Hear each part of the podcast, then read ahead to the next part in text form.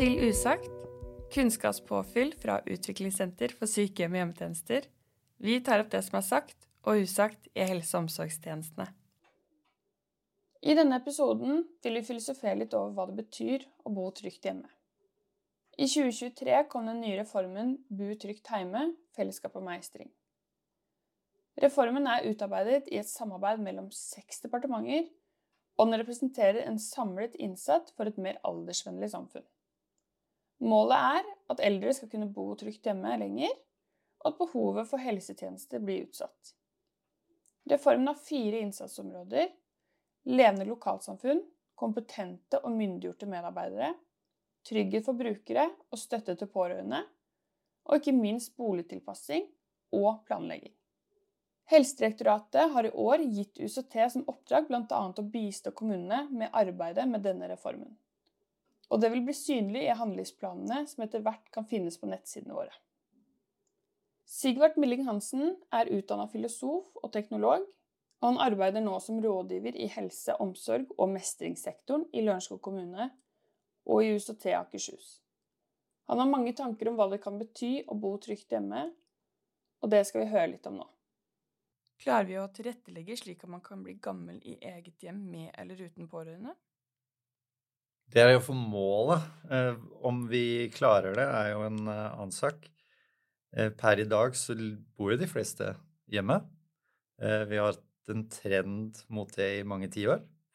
Fra 70-tallet, hvor de fleste bodde på institusjon når de ble gamle. Så det er jo ikke en ny satsing at man skal bo hjemme. Dette er jo kan man si, noe de fleste er enige om, at man vil gjerne bo hjemme. Eh, og da er jo den nye tingen er jo det med eh, Det skal jo være trygt. For mm. det har vi ikke gjort før. Nei, ikke sant? vi, vi kan jo håpe at det har de fleste. Men vi ser mange utfordringer rundt det eh, når flere og flere blir eldre og eh, får flere sykdommer. Mm som gjør det vanskeligere å ivareta situasjonen sin hjemme uten bistand fra uh, kommune og andre offentlige tjenester. Men før du går videre, Sigvart, kan ikke du si litt om deg selv? Ja.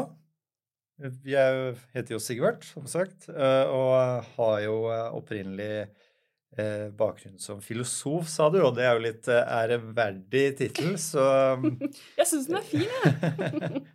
jeg har iallfall studert filosofi.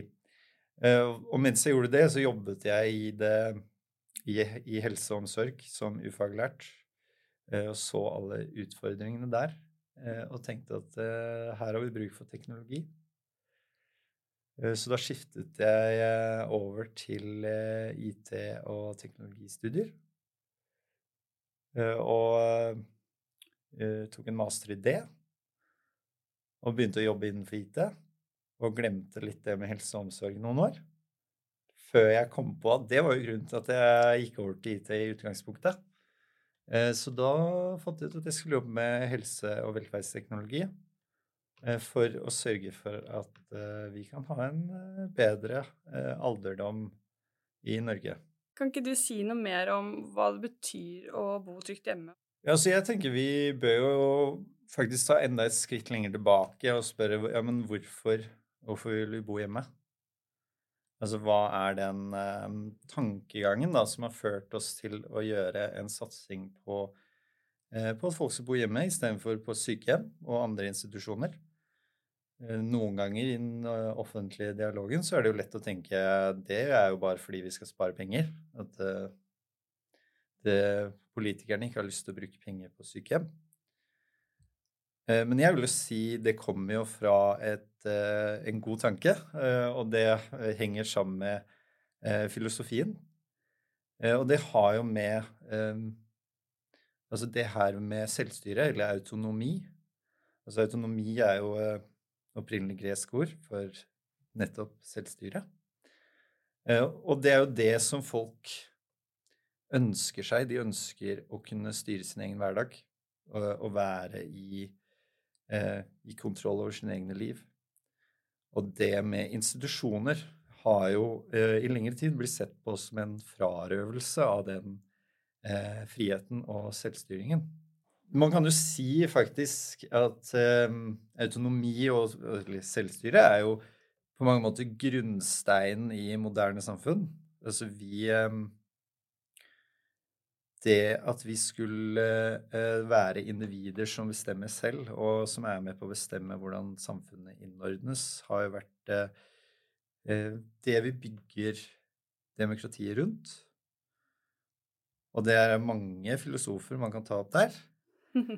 en av de mest kjente er jo Kant, som gikk så langt som å si at det at man er et rasjonelt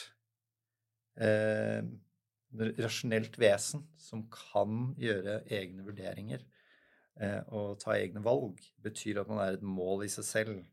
Altså Derfor må man eh, respekteres.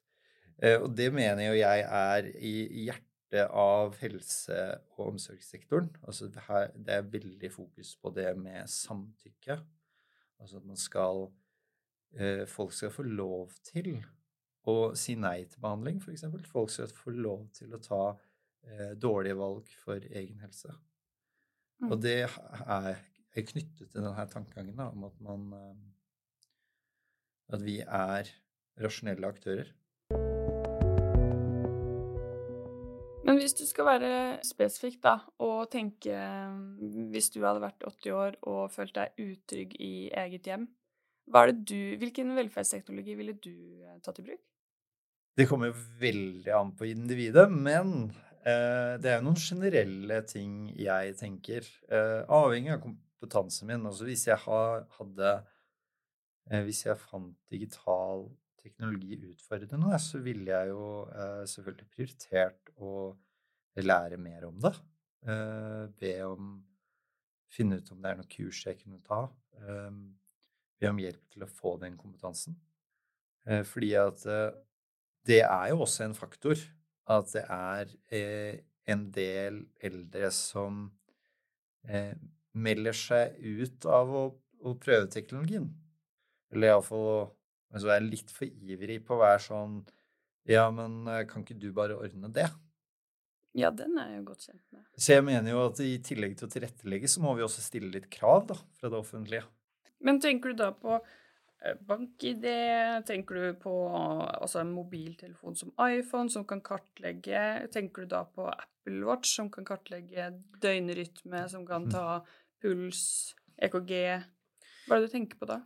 Ja, altså Nå sa jeg Vi var jo inne på det. Hva ville jeg gjøre hvis jeg var 80 mm. år? Og det første var jo det å få med kompetansen, som sagt. Men eh, nå er du jo inne på noen konkrete teknologier.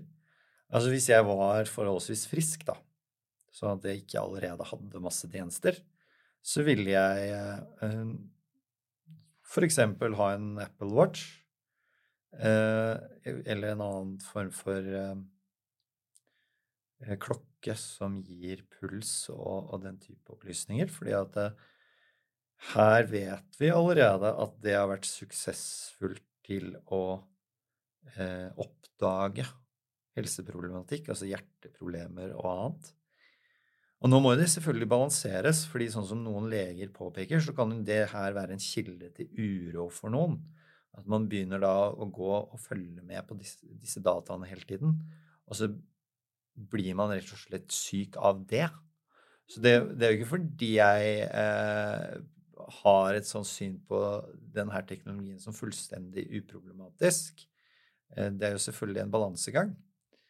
Men hvis man, hvis man, klarer å unngå å gå i den fella, da, at, at man eh, blir stresset av å få informasjon, og at man begynner å tenke å ja, men er jeg syk selv om altså Jeg føler meg jo fin, men den der sier jo et eller annet. Eh, så, så, kan det brukes til å eh, Som et forebyggende hjelpemiddel. Altså for eksempel hvis man da sover, føler at man sover dårligere fra før av så, så, har man jo da bare sin egen eh, erfaring å komme med til legen. Og da kan man si ja, men jeg, jeg syns jeg sover så dårlig. Eh, og så vil jo kanskje en del få beskjed om at ja, men det er jo bare alderen. Det er jo sånn det er. Mm. Men ved hjelp av denne type klokker så kan man jo da kanskje få noen tall man, og, og, data som man kan diskutere med legen. Og man mm. kan si men se her, da. Altså, uh, den her sier jo at uh, jeg sover nesten ikke.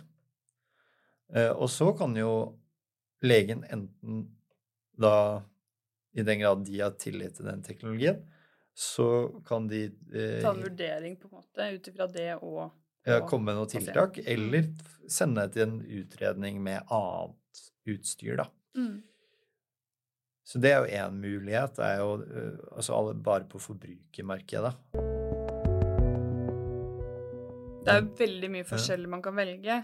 Men jeg bare, vi, altså, vi snakka jo litt om før vi starta at det eh, Ja, også en klokke når du er oppegående, men hvis du ikke er oppegående, hvis det er en person med demens, Eh, kan, har man noen sånne tilbud til de? Har man en klokke eller noe som kan brukes eh, opp mot dem?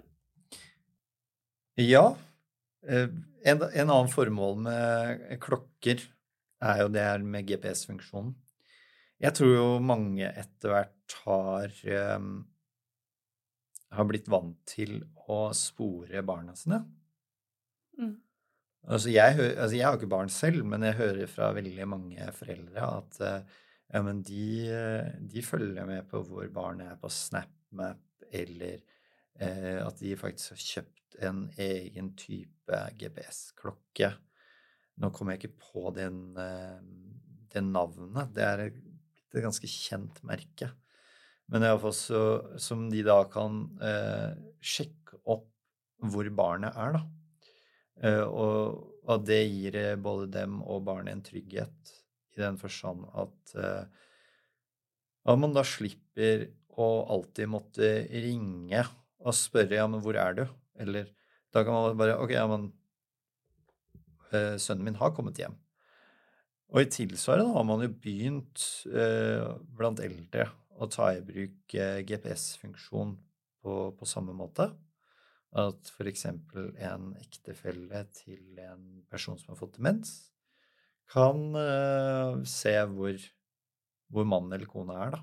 Hvis de skal på butikken, liksom, så kan de holde, følge med at han ikke går, eller personen ikke går ut, da, eller noe sånt noe? Er det det du er nyttig for et sånt, eller? Ja, altså de, demens er jo og kognitiv svekkelse generelt, det kommer jo i mange stadier. Det er jo ikke sånn at du dagen du får demens, så klarer du ikke å finne fram og, og går deg bort eh, med en gang. Ehm, det kan jo være en ganske lang periode hvor du fortsatt klarer mye i hverdagen, men hvor du kan ha episoder, da, hvor du mister orientering. Det kan jo du som helsepersonell mye mer enn meg òg. Så, så da kan, det kan være da en trygghet som da tillater en person med demens til å fortsatt eh, gå rundt i samfunnet med en forholdsvis stor trygghet. Fordi at hvis de da plutselig føler Å, men hvor er jeg hen? Eh, så kan i den grad de har da fått god opplæring i den klokka, så kan de utløse en, et varsel som gjør at eh, pårørende eller helsetjeneste da kan spore hvor de er, og, og komme og hjelpe dem. Eller den, hvis de også glemmer det, da, og la oss si de har blitt, bare vært borte i så og så mange timer, sånn at uh, pårørende blir bekymra, så kan pårørende spore de. Man kan jo også bruke geogjerde-funksjon. Uh, det er som regel når sykdommen har kommet en del lenger, hvor man da har man har markert hvor, hvor, man mener da den personen her er trygg da, på egen hånd. Og når, hvis personen beveger seg utenfor det området, så, så kan pårørende helsetjeneste få varsel. Så det er jo en, ja, en, en måte man kan bruke GPS-teknologi på helsepersonell skal jo også være trygg i å bruke eh, velferdsteknologi inn mot brukere som bor hjemme, helst. Um, hvordan tenker du vi kan løse, løse, det, eller bli tryggere på det, vi, vi i helsevesenet? Ja, du er jo inne på en av de største utfordringene med teknologien, sånn eh, utover å få all teknologien til å snakke sammen på en god måte, så vil jeg jo si opplæring er jo kanskje den, den største utfordringen. Både for tjenestemottakerne, som i mer eller mindre grad er digitalt kompetente, så kan det også være en utfordring å lære opp ansatte. Ofte fordi de har så mye annet de skal forholde seg til. Så da er jo det en av veldig mange ting de skal lære seg. Eh, og da, da er det litt det hvor ofte Hvor ofte må de forholde seg til teknologien? Hvis du skal sjekke den GPS-en eh, et par ganger om året, så er det ikke sikkert du lærer deg det systemet så godt eh, i forhold til et system du bruker hver dag. Det er sant. Men jeg tenker sånn som eh, for eksempel medisindispenser, da. Og vi har jo Jeg har jo Vi snakker jo veldig mye om det er et veldig godt produkt, og det er mm. kjempefint å ha, og det er veldig sånn fin sånn første fase til å hjelpe dem med å å ta riktige medisiner til riktig tidspunkt, og så klart riktig person. Um, men det vi ser er vi eh, sliter litt med, da, er å se når vi skal ta bort Eller når vi skal utvikle tiltak, eller vi må videre, da, fra den dispenseren. Vi så jo det med Lilly i eh, Brennpunkt. Ja. Jeg vil jo si det, det, er flere ting jeg vil si her. Det er jo altså Aller først så kan vi da veldig kjapt si eh, hva er de typiske eh, teknologiene som Kommune-Norge tilbyr? Og det er jo medisindispensere, GPS-er, eh, trygghetsalarmer. Grunnen til at jeg vil nevne det, er fordi vi hadde jo et eh, nasjonalt velferdsteknologiprogram i Norge fra 2012-2013 og der omkring til eh, utgangen av 21.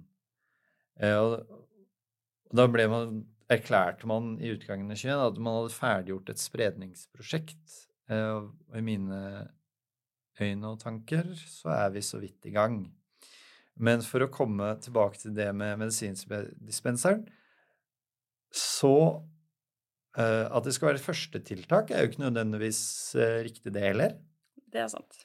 Så jeg er jo helt med på at uh, det er hele alt omkring dispenseren som er utfordringen. Fordi det, vi har noen veldig gode eh, dispensermodeller i dag som eh, gir da ut medisinen på det tidspunktet personen skal ha det, som på, sier til tjenestemottakeren med eh, ganske bra norsk og forståelig stemme at eh, husk, nå er det tid for medisin. Eh, så, og også vise bilde og sånn. Så så den er veldig forståelig på den måten. Men tjenesten omkring det, som du er inne på, der har vi en del utfordringer. Eh, det ene er jo ok, før vi i det hele tatt setter ut dispenseren, kanskje det holder å, at folk får en digital kalender som hjelper de å huske medisinen sin. Fordi det er jo allerede blitt ganske vanlig for folk å kjøpe seg sånne plastdosetter og legge medisin Eh, på egen hånd hjemme. Eh, og så kanskje de da har begynt å få utfordringer med å huske å ta, ta det fra den dosetten. Om det er dag og kveld og natt og Ja. Mm. Og da kunne jo kanskje det med en sånn digital kalender være et eh, godt skritt før man setter inn dispenseren, fordi dispenseren er dyrere. Mm. Eh, og men så, ok, så har vi kommet til punktet hvor vi har dispenser. Og da er det som du sier, da har vi også en utfordring med å følge opp den dispenseren. Som vi så med Lilly. Der må det jo ha kommet inn masse varslinger til hjemmetjenesten om at hun glemte medisinen sin. Og hvor var de ansatte i det her? Altså, det kan man jo spørre om mange ting rundt Lilly. Altså, de så henne ansikt til ansikt og forsto åpenbart ikke at eh, hun, hun hadde blitt eh, enda mer kognitivt svekket enn før. Og det handler jo litt om observasjonskompetanse. Og, og det er observasjonskompetanse. Og, og, noe av det jeg slår et slag for, er jo at vi må jo også forstå at den eh, informasjonen fra teknologien, det må bli en del av observasjonskompetansen. For som jeg sier, der har det kommet inn mange varslinger. Eh, men det er jo enkeltvarslinger, så det kommer inn ok, på søndag klokka ni så har Lilly glemt medisinen sin. Og så kanskje kommer inn eh, søndag klokka to. Kanskje, inn kanskje hun da husker det et par ganger. Og så eh, mandag, tirsdag. Da er det nye personer òg som kommer inn, ikke sant? Ja, og da er det jo åpenbart, da, så har man da ikke hatt noen rutiner for å liksom tenke over ja, men nå har vi gått fra at Lilly har glemmer medisinen sin kanskje en gang om måneden, til at hun gjør det flere ganger i uken. Eh, betyr ikke det at vi burde vurdere hva som skjer hos Lilly. Altså, klarer hun å bruke dispenseren lenger? Og hva er eventuelt årsaken til at hun ikke klarer å bruke dispenseren? Eh, altså, jeg er ikke helsepersonale, men for meg er det da sånn ja, men Da har det jo skjedd noe med den kognitive tilstanden hennes. Mm. Så jeg forstår jo ikke eh, helt hvordan eller nå holder jeg på å si jeg forstår ikke hvordan situasjonen oppstår, men jeg vet jo fordi det er for, på grunn av ressursmangel mm, at man har en veldig presset tjeneste. Mm. Men det er også, som helsepersonellkommisjonen sagt om, eh, av at man har altfor dårlig oppgavefordeling. Man har for dårlig teknologi. Mm. Altså, man har de her dispenserne, men hvorfor er ikke de dispenservarslingene koblet inn på en måte hvor man at man kan ha et nivå med varsling til. Da, at, at, man får denne beskjeden om ja, men nå har Lilly faktisk begynt å glemme medisinen sin mye oftere enn det hun gjorde før. Jeg skulle gjerne hatt det inn i journalen hennes, jeg. Ja. Den varslingen. Ja, men det, de, de, enkeltvarslingene, det, det har de nok inn i journal i Oslo. Men det, problematikken med observasjonskompetanse er jo at vi har helsepersonale som går inn og eh, gjør enkeltobservasjoner, men de klarer ikke å se sammenhengen. Mm. Mm. Delvis på grunn av at vi, har, eh, vi mangler eh, kompetanse. Delvis på grunn av at de her journalsystemene er lite intuitive, og, informasjonen er presentert på en veldig rotete måte. Men jeg er jo der hvor jeg tenker eh, her må vi ha kunstig intelligens til å hjelpe oss. Mm. Men det er til en annen episode, for det vet jeg jo du kan snakke mye om. Men altså, dette er et kjempeviktig tema, og det er jo masse vi kan si. Men altså, det du Det som kommer frem, da, er at det er en del som bor alene, og det kommer til å være en del som bor alene fremover. Eh, det er en del ensomhet, og det må vi eh, finne løsninger på. Men tusen takk for eh, at du kunne komme. Ja, men det er bare hyggelig. Det er nok ingen tilfeldighet at det var hele seks departementer som sammen skrev denne meldingen. For det er liten tvil om at det kreves en felles innsats om vi skal få til at folk bor trygt hjemme lenger med færre tjenester. Mange flere må på banen, og teknologien må være vår venn. Vil du lære mer om reformen, så gå gjerne inn på regjeringen sine nettsider for å få mer informasjon, eller ta kontakt med ditt UST for veiledning eller hjelp. Vi er alltid tilgjengelige for en prat med ansatte og ledere i våre kommuner. Og for deg som hører på, vil neste episode ta for seg tjenester til personer med utviklingshemming, deres rettigheter og veilederen. Så følg med videre, og i mellomtiden Tusen takk for i dag, og takk til deg, Sigvart. Håper alle får en fin dag, så høres vi. Dette er en podkast fra Utviklingssenter for sykehjem og hjemmetjenester, hvor vi snakker om det som er sagt og usagt i helse- og omsorgstjenestene.